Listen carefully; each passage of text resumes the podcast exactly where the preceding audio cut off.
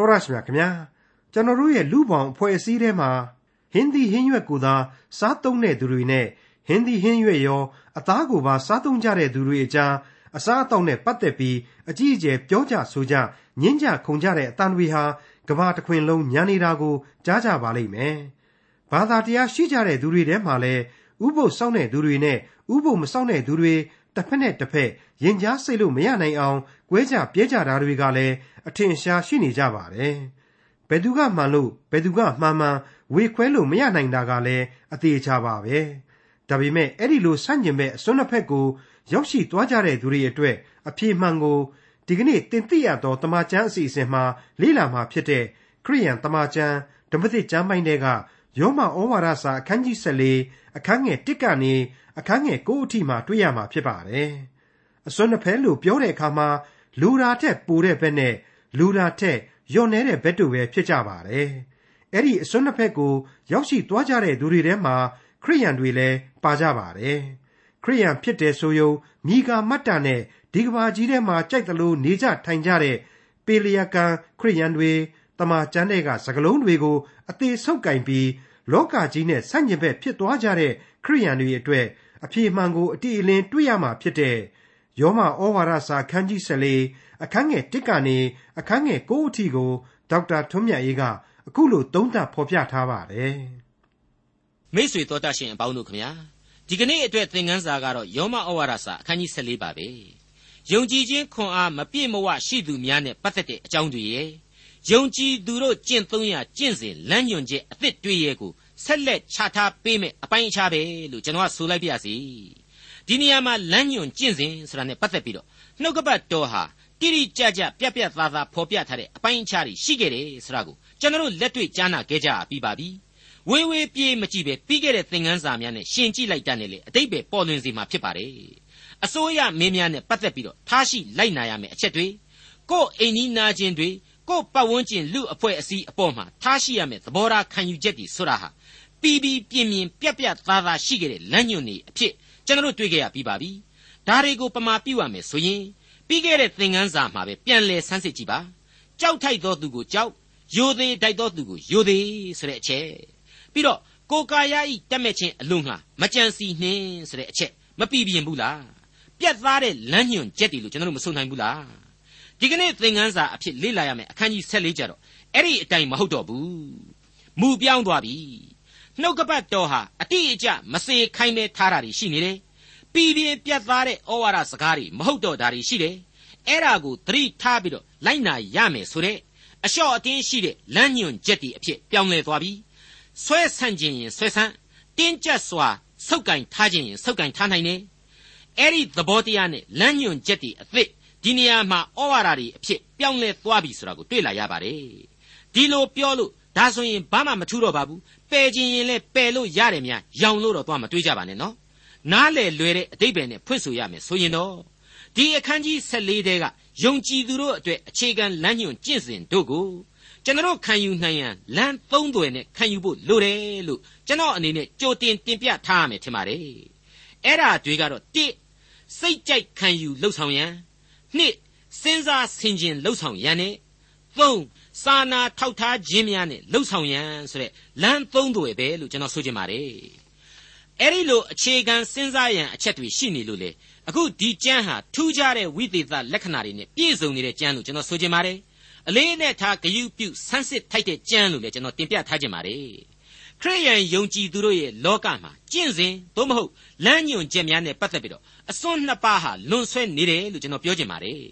အစွန်းနှစ်ပါးဆိုလိုက်ကြတဲ့ကလိုတာတဲ့ပိုတဲ့အဖွဲ့နဲ့လိုတာတဲ့ပို့ပြီးတော့ယော့တဲ့အဖွဲ့ဆိုပြီးတော့အဖွဲ့နှစ်ခုဟာအလိုလိုဆန့်ကျင်ဘက်ဖြစ်လာရပါတယ်အဲ့ဒီအုပ်စုအဖွဲ့နှစ်ခုတည်းကပထမအဖွဲ့ကတော့စောစောကကျွန်တော်ပြောတဲ့အထက်ကဆွဲဆန့်ပြီးတော့ကြိုးပြတ်သွားတဲ့အထိတင်းမာတဲ့သဘောကိုဆောင်းပါတယ်အဲ့ဒီလိုပြတ်သွားပြီးပြီဆိုရင်တော့ ပယ်လိုက်ရင်လည်းပြီးတာပါပဲလေဆိုတဲ့သဘောတရားနဲ့လေဘာမှမထူးတော့ဘူးလို့ဆိုတဲ့အဖွဲ့မျိုးပဲပေါ့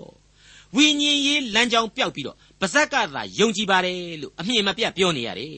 အကျင့်တရားတွေကတော့ဘာမှမရှိတော့ဘဲနဲ့ဇာတိပဂရိအတိုင်းအလေးကျသမားတွေဘဝကိုရောက်ကုန်တယ်မြက်ကန်းတစီမကြောက်ဆိုသလိုဖြစ်ကုန်တယ်လို့ကျွန်တော်ကတင်ပြခြင်းပါတယ်တနည်းဆိုရရင်တော့ပေလျကံခရိယန်ဒီပဲလို့ဆိုခြင်းရင်ဆိုနိုင်တဲ့အထိအစွန်းရောက်သွားတဲ့အဖွဲ့ပေါ့ နောက်ထပ်အစွန်းတစ်ပါးကတော့ဓမ္မဟောင်းဓမ္မသစ်နှစ်ခုပေါင်းပြီးတော့ကိုယ်တိုင်ကကိုယ်အုံနောက်ကိုအလွန်အကျွံအသုံးပြုလမ်းကြောင်းသစ်ကြီးတစ်ခုကိုတီထွင်လိုက်တယ်လို့ဖြစ်သွားတဲ့တိုင်အောင်နှုတ်ကပတ်တော်ရဲ့စာလုံးတွေကိုအသေးဆုပ်ကင်တဲ့အဖွဲ့ပေါ့ဟုတ်တယ်ကြစ်ကြစ်ပါအောင်ဆုပ်ကင်ထားကြရင်နဲ့နောက်ဆုံးကိုပါအဲ့ဒီအလုံးအထွေးထဲမှာကြစ်ကြစ်ပါသွားပြီးတော့ယုံထွက်လို့မရတော့ဘူးကြာတော့ကိုယ်တိုင်ကသမာကျမ်းစာတော်မြတ်မှာအခြေခံပြီးတော့ ကိုယ်တိုင်ကပဲပြည့်ညတ်တော်အသစ်များချထားပေးတယ်လို့ဖြစ်သွားတဲ့အဖွဲ့ပေါ့လောကကဘာကြီးနဲ့လေကန္နကောစဖြစ်တဲ့လူဒန်းစားမျိုးဖြစ်သွားရတဲ့အဖွဲ့လို့ကျွန်တော်သတ်မှတ်ချင်ပါတယ်အဲ့ဒီအခါမှာတော့ကောလောသဲဩဝါဒစာအခန်းကြီး2အငယ်27မှာပါတဲ့အတိုင်းပဲမတို့နှင့်မမီးနှင့်မကင်နှင့်ဟူသောပြည့်ညတ်စကားကိုနားထောင်သောသူများဆိုတဲ့ဘဝကိုသူတို့ဟာရောက်ရှိသွားကြတယ်အစွန်းရောက်သွားတာပေါ့ကျွန်တော်ပြောမှုတဲ့အတိုင်းပဲယုံကြည်ခြင်းနဲ့ရောပြီးတော့ မာမာနတက်တဲ့လူတွေဖြစ်ကုန်တယ်လို့လည်းဆိုခြင်းဆိုနိုင်ပါလိမ့်မယ်ကိုကအကုန်မှန်တယ်ကြီးဖြစ်နေတော့ဘသူကမှမှန်တယ်လို့လည်းမထင်တော့ဘူးငါတော်တယ်ငါတက်တယ်ငါသာကဲတင်ချင်းရမယ်ဆိုပြီးတော့စိတ်ကြီးဝင်ကုန်ကြတယ်ဆိုရင်လေကျွန်တော်တို့ဆိုလို့ရနိုင်မယ်ထင်ပါတယ်အဓိကအားဖြင့်ကတော့အဲ့ဒီအစွန်းနှစ်ပါးကိုရှောင်ကျဉ်ပြီးတော့သွားနိုင်အောင်လို့တမန်တော်ကြီးရှင်ပေါလုဟာအခုယောမဩဝါဒစာနဲ့ကျွန်တော်တို့ကိုဆုံးမပေးနေပါတယ်သူ့ရဲ့ဆုံးမဩဝါဒစာများကို သေချာစွာနားဆွင့်ထောင်ကြပါစို့ယောမဩဝါဒစာအခန်းကြီး14အငယ်1နဲ့2ယုံကြည်အားနည်းသောသူတို့ကိုလက်ခံကြလော့တို့ရာတွင်ယုံမှားပွေသောပြဿနာတို့ကိုထိုသူတို့နှင့်မဆွေးနွေးကြနှင့်အစာအမျိုးမျိုးကိုစားအပ်သည်ဟုလူအချို့ယုံ၏အားနည်းသောသူမူကားဟင်းသီးဟင်းရွက်ကိုသာစား၏ပထမဦးဆုံးစလာတာကတော့အစားအသောက်နဲ့ပတ်သက်ပါတယ်အဲ့ဒီအစားအသောက်နဲ့ပတ်သက်လို့ရှင်ပေါလုကဘသူကိုမှတမင်ချိုးချိုးနှိမ့်နှိမ့်လုပ်ပြီးတော့မပြောပါဘူး အခြေခံမှာကိုကဟိုဟာစားရမယ်ဒီဟာစားရမယ်စသဖြင့်တန်တရားဖြစ်ဖွယ်ရှိသောပြဿနာတနည်းအားဖြင့်မရေမရာမသေးမချသောပြဿနာများကိုကင်ဆွဲနေသူအလုံးဟာယုံကြည်ခြင်းခွန်အားနေပါနေတယ်ဆိုတာကိုသာသိစေပါတယ်အဲ့ဒီလိုပြဿနာမျိုးကိုစီစာချက်မနေဘဲနဲ့နဘေးချိတ်ထားလိုက်ကြပါပြီးတော့အားလုံးညီညွတ်ကြပါဆိုတဲ့အချက်ကိုတမန်တော်ကြီးရှင်ဘောလူဖော်ပြပါတယ်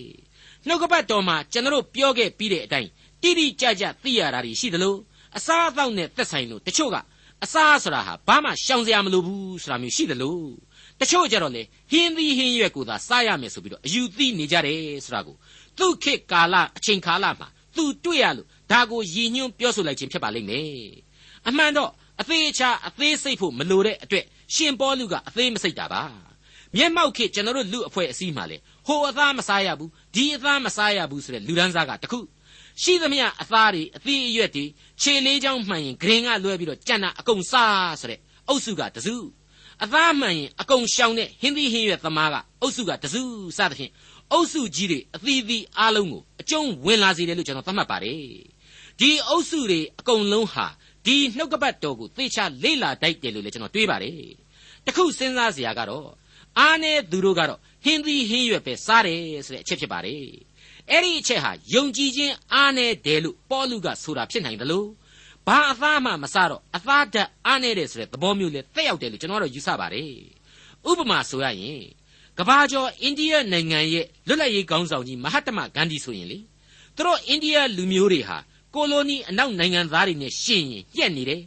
အဲ့ဒါအသားမစားလို့ညှက်နေတာပဲဖြစ်ရမယ်လို့တွေးခဲ့ဘူးတဲ့ဆိုတာကိုကျွန်တော်စာအုပ်တွေမှာဖတ်ခဲ့ဘူးပါတယ်ဒါဟာဓမ္မသဘောတရားနဲ့မဆိုင်တဲ့ သိပ္ပံနိကြလူအတွေ့ပဲပေါ့နှုတ်ကပတ်တော်ကြတော့အသားစားခြင်းနဲ့ပတ်သက်ပြီးတော့ကိုးကားစရာအချက်တွေကိုကဘာဥကလေးကဘုရားသခင်ဟာပုံစံအမျိုးမျိုးအမိတ်အမျိုးမျိုးနဲ့ချထားတာကိုတွေ့ရပါတယ်ဥပမာ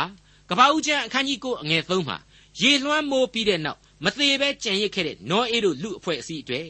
အသက်ရှင်၍လှုပ်ရှားတတ်သမျှသည်အသီးအရွက်ကဲ့သို့သင်တို့စားเสียဖြစ်ရမည်ခတ်သိမ်းသောအရာတို့ကိုသင်တို့၌ငါအပ်ပေး၏ဆိုတဲ့ဘုရားသခင်ရဲ့အမိန့်တော်သားပဲဖြစ်ပါတယ် အဲ့ဒီလိုပါပဲရှင်မာကုခရစ်ဝင်ကျမ်းအခန်းကြီး9အငယ်19မှာဝန်းတဲသို့ဝင်၍အစာရှိသမျှကိုတန့်ရှင်းစေသဖြင့်လူကိုမညစ်ညူးစေနိုင်သည်ကိုနားမလည်ကြသလောဆိုပြီးတော့ခရစ်တော်ဆိုခဲ့ဘူးပါတယ်ပြီးခဲ့တဲ့တမန်တော်ဝတ္ထုထဲမှာလေရှင်ပေတရုရဲ့ယူပါယုံခန်းစားခဲ့ရဘုံကိုကျွန်တော်မကြခင်ကပဲတွေ့ကြပြီးဖြစ်ပါတယ်အဲ့ဒီယူပါယုံဟာဂျူးမဟုတ်တဲ့တပားအမျိုးသားတွေကိုသာသနာပြုရမယ်ပေတရုရှင်ပေါလုတို့အတွက်ခွန်အားအသစ်ပါပဲယုံကြည်မှုအသစ်ပါပဲ ယူပါယုံမြင်ကွင်းအသစ်ပါပဲဒါကိုဘုရားသခင်တမင်ချထားပေးလိုက်ခြင်းပါပဲတမန်တော်ဝတ္ထုအခန်းကြီး30အငယ်6မှ16အတွင်းကိုပြန်ပြီးဖတ်ကြည့်ပါအနှစ်ချုပ်ကတော့တပြည့်ညတ်တော်ကကန့်သက်တဲ့အစာအစာတွေအသားတွေနဲ့ပတ်သက်ပြီးတော့အခုအချိန်မှာအကုန်လုံးစင်ကြယ်စေပြီမို့လို့ဖျားသခင်စင်ကြယ်စေပြီးသားအရာတို့ကိုညှဉ်းညူးတယ်မတန့်ရှင်းဘူးဆိုတာမျိုးမင်းတို့မထင်ကြပါနဲ့ဆိုရပြလိုက်ပါပဲကောရိန္သုဩဝါဒစာအခန်းကြီး၈အငယ်၈ကြတော့ အစာအသောက်အဖြစ်ဖျားသခင်ရှေ့မှာမျက်နှာရသည်မဟုတ်အစာကိုသုံးကာမျှဖြင့်မြတ်သည်မဟုတ်ရှောင်ကာမျှဖြင့်ရုပ်သည်မဟုတ်ဆိုပြီးတော့တခါထပ်မံတွေ့ရှိရပြန်ပါတယ်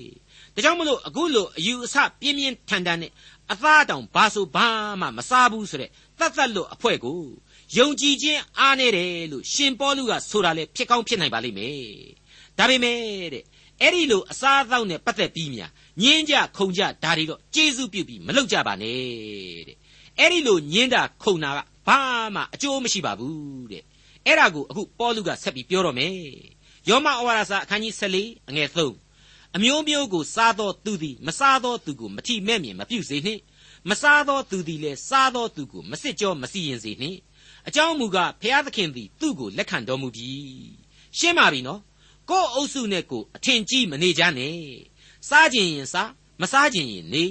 အရေးကြီးတာကတယောက်နဲ့တယောက်နှာခေါင်းမရှုံညံ့နဲ့အပြစ်တွေရှောက်မတင်ညံ့နဲ့အပုတ်မချနဲ့တဲ့ဘာဖြစ်လို့လဲဆိုတော့ဖျားသခင်ဟာလူသားအလုံးကိုဝိညာဉ်ရေးမှတ်ကြောက်အတိုင်းအတာနဲ့လူသားအဖြစ်ပဲနှလုံးသားကိုကြည့်တယ်သူ့ကိုယုံကြည်ခြင်းရှိမရှိဆိုတဲ့ပေတာနဲ့သာတိုင်းတာရှုကြည့်တယ်အသားမစားတာစားတာအသားရှောင်တာမရှောင်တာတွေပေါ်မှာမူတည်ပြီးတော့မကြည့်ဘူးတဲ့သူ့ကိုယုံကြည်အားကိုးတယ်လက်ခံယုံကြည်တယ်ဆိုရင်သူဟာအစဉ်လက်ခံပြီးသားပဲတဲ့ရှင်းပါတယ်နော်အေး ရှင်းပြီဆိုရင်ပြီးရောကျွန်တော်လည်းလာမငင်းနဲ့ကျွန်တော်လည်းမိတ်ဆွေတို့ကိုမငင်းတော့ဘူးဘာဖြစ်လို့လဲဆိုတော့လေကုန်တယ်မင်းတို့မငင်းနဲ့လို့လေအခုရှင်ပေါလုကအခိုင်အမာဩဝါဒပြုလိုက်ပြီမဟုတ်ဘူးလားအငယ်လေး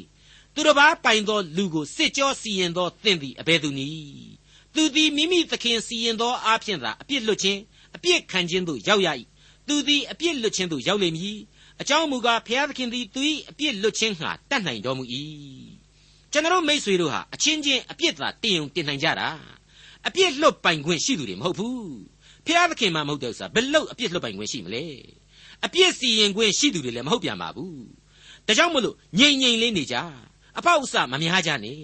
အဲ့ဒီအတိတ်ပဲကိုရှင်ပေါလုဖော်ပြလိုက်ခြင်းပါကျွန်တော်လူဆိုတဲ့တတ္တဝါကလည်းအတော်ခက်တယ်ယောမမျိုးရောက်ရင်ယောမလူကျင့်ဆိုတာပါဇက်ကပြောတတ်တယ်ကိုယ်သဲကြေကြိုက်ကလေးတွေနဲ့တွေ့ရင်တော့ယောမလူကျင့်တယ် ထန်းတော်ရောက်ရင်ထန်းရည်လေးနဲ့ဝင်ရောတယ်ဆိုတဲ့သဘောပေါ့အဲဘုရားသခင်ကငါမကြိုက်ဘူးဒီကိစ္စနဲ့ပတ်သက်ရင်စကားမများကြနဲ့ဆိုတာကြတော့မဆောင်စည်းနိုင်ကြဘူးဝက်သားမစားလို့ဆိုပြီးတော့အပြစ်တင်တယ်ဝက်သားစားလို့ဆိုပြီးတော့လေအပြစ်တင်တယ်အမဲသားလည်းဒီအတိုင်းပဲတက်သက်လွတ်လည်းဒီအတိုင်းပဲအဲ့ဒီလိုစကားတွေရှောက်များနေရတာ ਨੇ ပဲကဲတင်ချင်းတရားကနဘေးရောက်ပြီးတော့မှိန်သွားပြီးတော့ဝက်သားကိစ္စကြက်သားကိစ္စအမဲသားကိစ္စကအဓိကဖြစ်လာရပါတယ်အောင်မယ်ဒေါက်တာမက်ဂီရဲ့အဆိုအရ အမေရိကန်တနိုင်ငံတည်းက Methodist တို့ Baptist တို့ Presbyterian တို့တခိုင်းနေချင်းမှာတောင်မှဒေသတစ်ခုနဲ့တစ်ခုမတူသေးဘူးဆိုပါကလား Texas ပြည်နယ်တောင်ပိုင်းက Baptist တွေဟာလေယောက်ျားမိန်းမတွေရေတောင်အတူမကူရဘူးဆိုပဲအဲ့ဒီလူတွေကကယ်လီဖိုးနီးယားလေရောက်ကောခရိယန်တွေယောက်ျားမိန်းမရေအတူကူးနေတာကိုကြတော့နှာခေါင်းရှုံတယ်တခါကယ်လီဖိုးနီးယားက Baptist တွေကြတော့ဆေးလိပ်ဆိုရင်အရှင်းမတော့ကြဘူး သူတို့က Texas လေရောက်ကောသင်းအုပ်ဆရာကအစဆက်လိတ်တုံကလေးတွေလက်ချညှမ်းထားတာတွေ့တော့ပွားစီပွားစီနဲ့အပြစ်တင်ကြပြန်ရောတဲ့မိတ်ဆွေအပေါင်းတို့ခင်ဗျာအခုဘုရားသခင်ရဲ့ဗျာဒိတ်စကားကိုရှင်ပေါလုရဲ့ဩဝါဒစကားအဖြစ်ယောမဩဝါဒဟာလမ်းပြနေပါပြီအပေါ်ယံကိစ္စတွေကိုအမြင့်ပိုင်းတဲ့အထိထိုးထိုးမထည့်ကြပါနဲ့အစားအသောက်အကျင့်ဒလိအချို့နဲ့ပတ်သက်ပြီးတော့စိတ်ဝန်းကွဲခြင်းသိခံကြပါဘုရားသခင်ကယ်တင်ရှင်ဖြစ်ကြောင်းကယ်တင်ခြင်းသတင်းကောင်းကိုဝေမျှဖို့ရန်အတွက် ကိုယ်တိုင်ဟာကယ်တင်ခြင်းခံရသူများအဖြစ်ညီညွတ်ချစ်ခင်စွာလက်တွဲစည်းလုံးညီညွတ်ကြပါစို့လို့နှိုးဆော်တိုက်တွန်းလိုက်ခြင်းဖြစ်ပါတယ်ယောမဩဝါဒစာအခန်းကြီး14အငယ်9နေ့ရက်တရက်တဲ့တရက်သာ၍မြတ်သည်ဟုလူအချို့ထင်ကြ၏လူအချို့မထင်လူတိုင်းမိမိစိတ်သဘောကြပါစေအခုဆိုရင်အစားအသောက်အကြောင်းကနေပြီးတော့နေ့ရက်အကြောင်းတွေကိုကူးကန်းသွားပြီကောလောသဲဩဝါဒစာအခန်းကြီး2အငယ်16မှလည်းပဲအခုလိုပဲဆက်ပြီးတွေ့ရပါသေးတယ်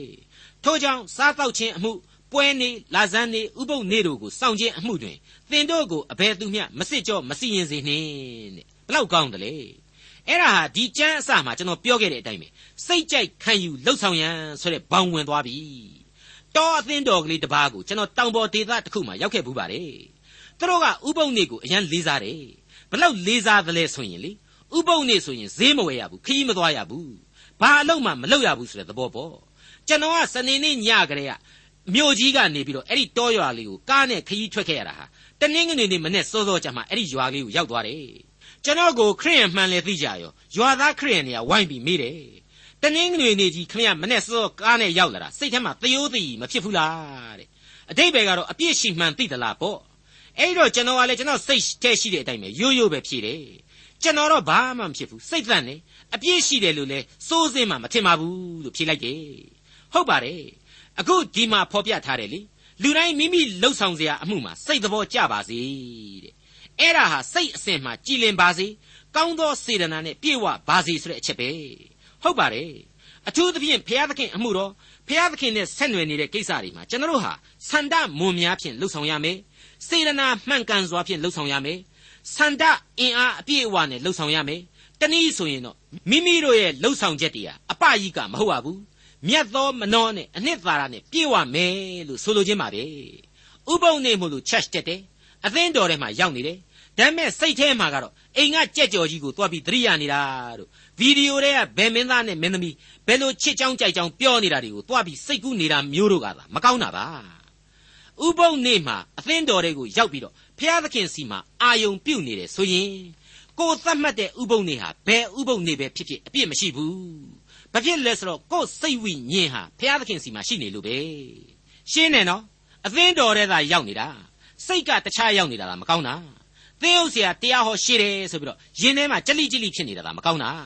ကျွန်တော်ကတော့အဲ့ဒီအတိုင်းပဲမြင်မိပါတယ်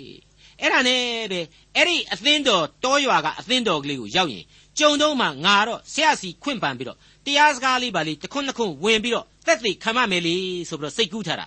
သူတို့ရဲ့ခံယူချက်သိထန်ခြင်း သူတို့ရဲ့စိတ်ဆွဲလန်းမှုတွေဘယ်လိုဆိုတာကိုကျွန်တော်ကသိလေသွားရောကျွန်တော်ခမညာမှာလေအဲ့ဒီတောရွာကိုရောက်ပါရဲ့နဲ့ဘာမှမပြောဝန်းတော့ပဲနဲ့ခက်ကုတ်ကုတ်ပဲပြန်လာရပါတယ်အေးအဲ့ဒီလိုသူတို့ကိုသူတို့ခံယူချက်နဲ့သူတို့တွေ့ရတာဟာအပြည့်ရှိတယ်လို့လေကိုကပြောလို့မဖြစ်ပြန်ဘူး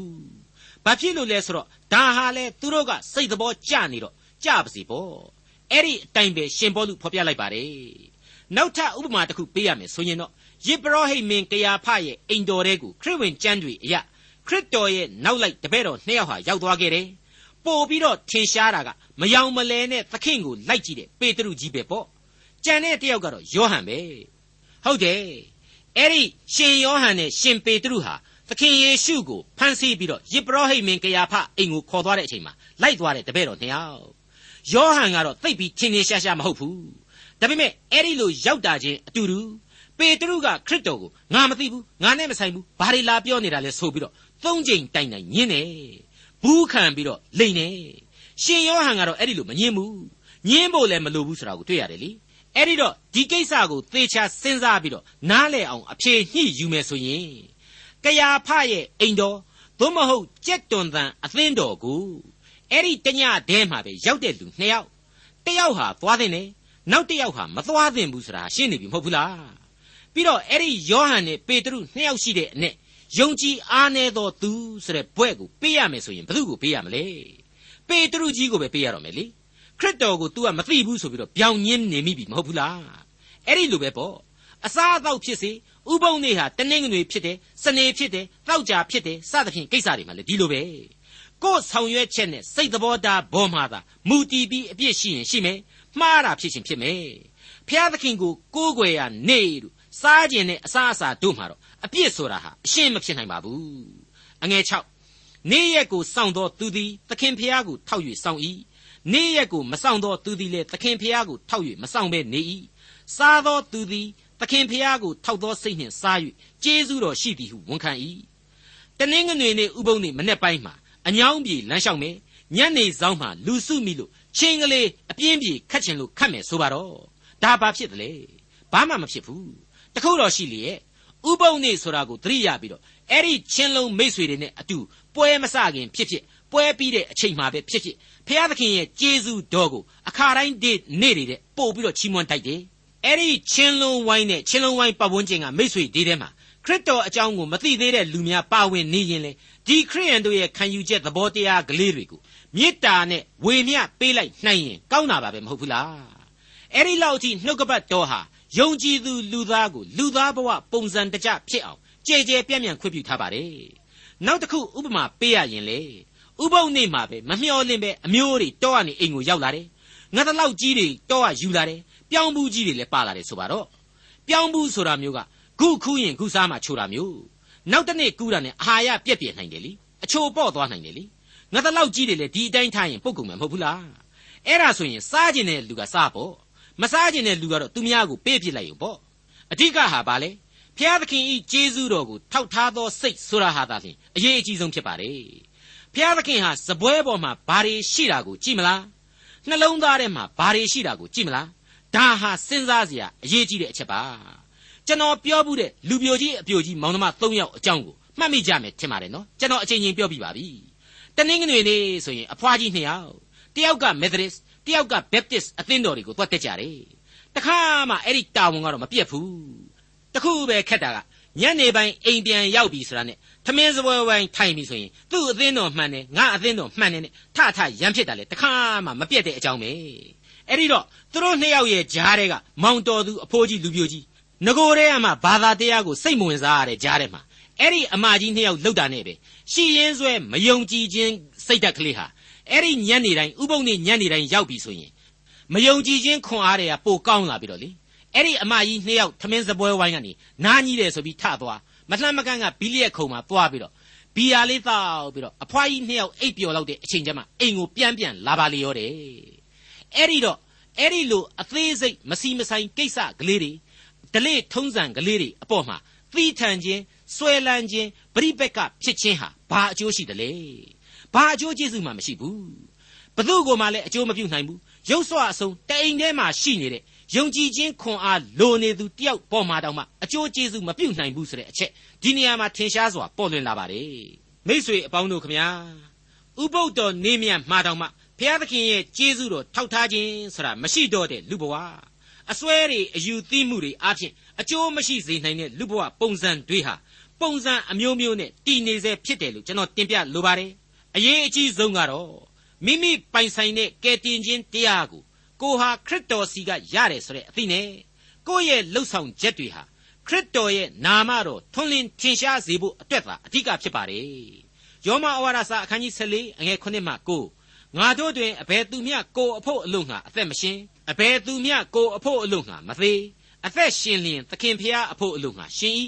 သေလျင်လဲသခင်ဖျားအဖို့အလို့ငှာသေ၏ ထို့ကြောင့်အသက်ရှင်သည်ဖြစ်စေသေသည်ဖြစ်စေဖျားသခင်ဆိုင်တော်မူ၏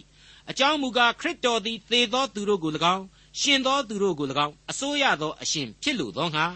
အသေးခံ၍ခံပြီးမှအသက်ရှင်ပြန်တော်မူ၏မိတ်ဆွေအပေါင်းတို့ခမညာဖျားသခင်အဖို့အလို့ငါသာအသက်ရှင်ရတယ်ဆိုတာရှင်းသွားစေပါတယ်ခရစ်တော်နဲ့ကင်းကွာနေလို့မရနိုင်ဘူးဆိုတဲ့အတိတ်ပဲကိုရှင်းလင်းစွာဖော်ပြနေပါတယ်စောစောကပြောခဲ့တဲ့အတိုင်း စပွဲပေါ်မှာကိုကြိုက်တာကလေးတွေကိုသဘောကျစားဖို့တင်ထားတာကိုဖျားသခင်ကအဟာရအင်စပက်တော်ကြီးလို့လာပြီးတော့မကြည့်သလိုဥပုပ်နေရွေးပြီးတော့ဖျားရှိခိုးကြောင့်တွားရမယ်လို့လေအာနာပိုင်တယောက်လို့ဥပဒေကြီးလက်မှတ်ထိုးပြီးတော့ထုတ်ပြန်ပေးမထားပါဘူးရှင်ပေါလုကဆိုခဲ့ပြီလေလူတိုင်းမိမိသဘောကျပါစေတဲ့ကျေးဇူးတင်ပါတယ်မိတ်ဆွေအပေါင်းတို့ဒေါက်တာထွန်းမြတ်ရေးစီစဉ်တင်ဆက်တဲ့တင်ပြရတော်တမချန်းအစီအစဉ်ဖြစ်ပါတယ်နောက်တစ်ချိန်အစီအစဉ်မှာခရိယန်တမချန်းဓမ္မသစ်ကျမ်းပိုင်းတွေက ယောမဩဝါဒစာအခန်းကြီး14အခန်းငယ်30ကနေအခန်းငယ်23အထိကိုလေ့လာမှဖြစ်တဲ့အတွက်စောင့်မျှော်နားဆင်နိုင်ပါတယ်။